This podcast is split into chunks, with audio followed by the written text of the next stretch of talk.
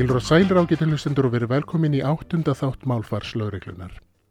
Við byrjum á því að líta í dagbók lögreglunar. Á vef Vísis mátti lesa eftirfarandi texta lögadagskvöldið 16. september síðastliðinn. Kona var handtekinn vegna grunnsum fjársvík í verslunamiðstuð í hverfi 103 rétt fyrir 17 í dag að þér segir í dagbók lögreglunar á höfðsborgarsvæðinu.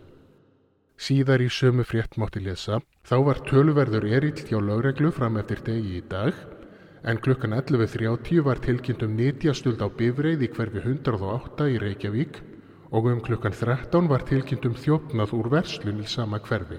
Tókuð þið eftir þessu. Hverfi 103 og hverfi 108. Ég veit ekki hvort þetta kemur svona frá lögreglunni sjálfri eða frá fréttamanni vísis. Kanski hef ég mist af einhverju. En hvenar hættu við að kalla hverfin sínum réttu nöfnum og fórum að nefna þau eftir postnúmerum? Ég er eindaróðin vanur því að miðbær Reykjavík og nákvæmni hans skuli vera nefnt 101 og þar á skaldsaga Hallgrím Selgássonar 101 Reykjavík sjálfsagt einhvern hlut að máli. En hvenar var byrjað að kalla háaleitis og bústaðarkverfið hverfi 103 og 108? verður kannski ekki langt að býða þess að við munum búa í bæjum 220, 210 og 200 en ekki í Hafnarfyrði, Garðabæi og Kópavogi. Eða förum við kannski einhver tíman til landa 45, 49 eða 34 í staðin fyrir að fara til Danmerkur, Þískalands eða Spánar. Ég veit ekki með ykkur, en mér finnst einhvað ópersonulegt og stopnanalegt við að nota þessi númer, sérstaklega þegar það er hægt að nota gamalgróin nöfn í staðin fyrir númerinn. Ég vil helst ekki vera í 101 heldur niður í miðbæ Reykjavíkur og ég vil ekki vera í 220 heldur í Hafnarfyrði og ég vil ekki fara til 310, 800 eða 600 heldur upp í Borganes, Östur og Selfoss eða til Akureyrar. Það er nóg að þurfa að búa við kennitölublæti íslenskra stofnana og þjónustu fyrirtækja. Við þurfum ekki að láta postnúmerakerfið yfirtaka nafnahefðina hjá okkur líka. Ég vona að minnstakosti að við getum áfram notað hefðmyndi nöfn á sveitarfélugum, bæjum, bæjarhlutum og öðrum stöðum á landinu í stæðin fyrir þessi númer.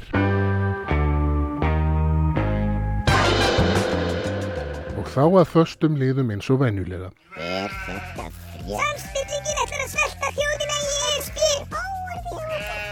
Leggjum niður þetta rúf og horfið hvort sem er engin á Dæmið það. er fyrir sjálfgræðisflokkin og framabótaraflokkin. Aldraðir og öryrkja múslima takk heim til sín. Þetta og fjölmenningar Verð ekki svona heimsku. Ég fann ekki að krænja. Verðum að fá Davíð aftur.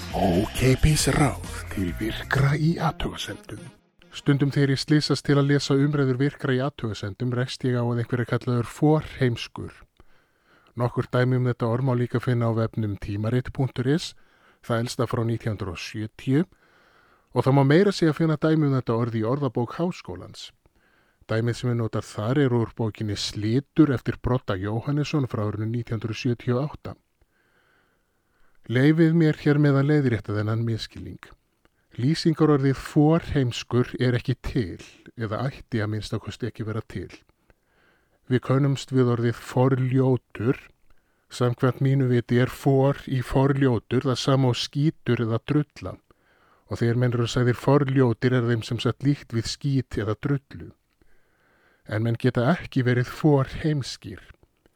Aftur á móti er til sagnorðið forheimska sem þýðir að gera einhvern heimskan og nafnorðið forheimskun er svo aðtöfnin það er að gera einhvern heimskan. Þessi tvö orð eru líklega komin úr dönsku. Þar er forsketið for það sama og í dönsku orðunum fordúme sem hefur sömu merkingu á forheimska, fóbeðru sem þýðir að bæta einhvað eða gera einhvað betra og fódensku sem þýðir að snara einhvað eða þýða einhvað yfir á dönsku. En menn geta ekki verið forheimskir.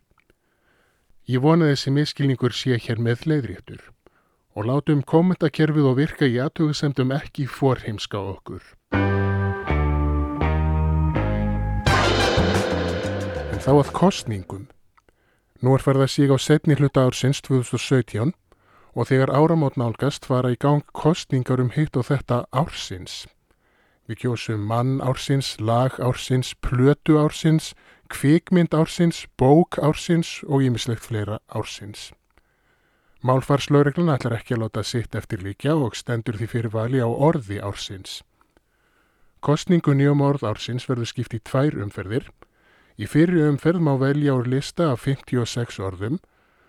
Orðin á listanum hafa vísu ekki öll komið til sögunar á þessu ári en þau eiga það sameinlegt að hafa komist í orðabókina á vefnum orðabókin.is undanfærið ár. Og úr þessum lista má velja 5 orð og gefa þeim stig frá einu og upp í 5. Tíu stigahæstug orðin koma svo áfram í setni umferð. Kostningin fer fram á vefnum og má nálgast tengilin á hana á vefnum orðabókin.is.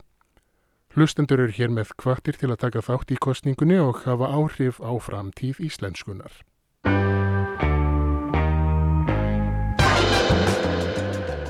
En þá er hugmyndabrunnerinn tæmdur á þessu sinni. Ég meni að lokum á síður málfarslaureglunar á Facebook og Twitter og á vefin orðabókin.is. Þar geta hlustendur skoðað orðskýringar og sendt skilaboð ef þeim líkur einhvað á hjarta. En þættunum er þó lokið að þessu sinni.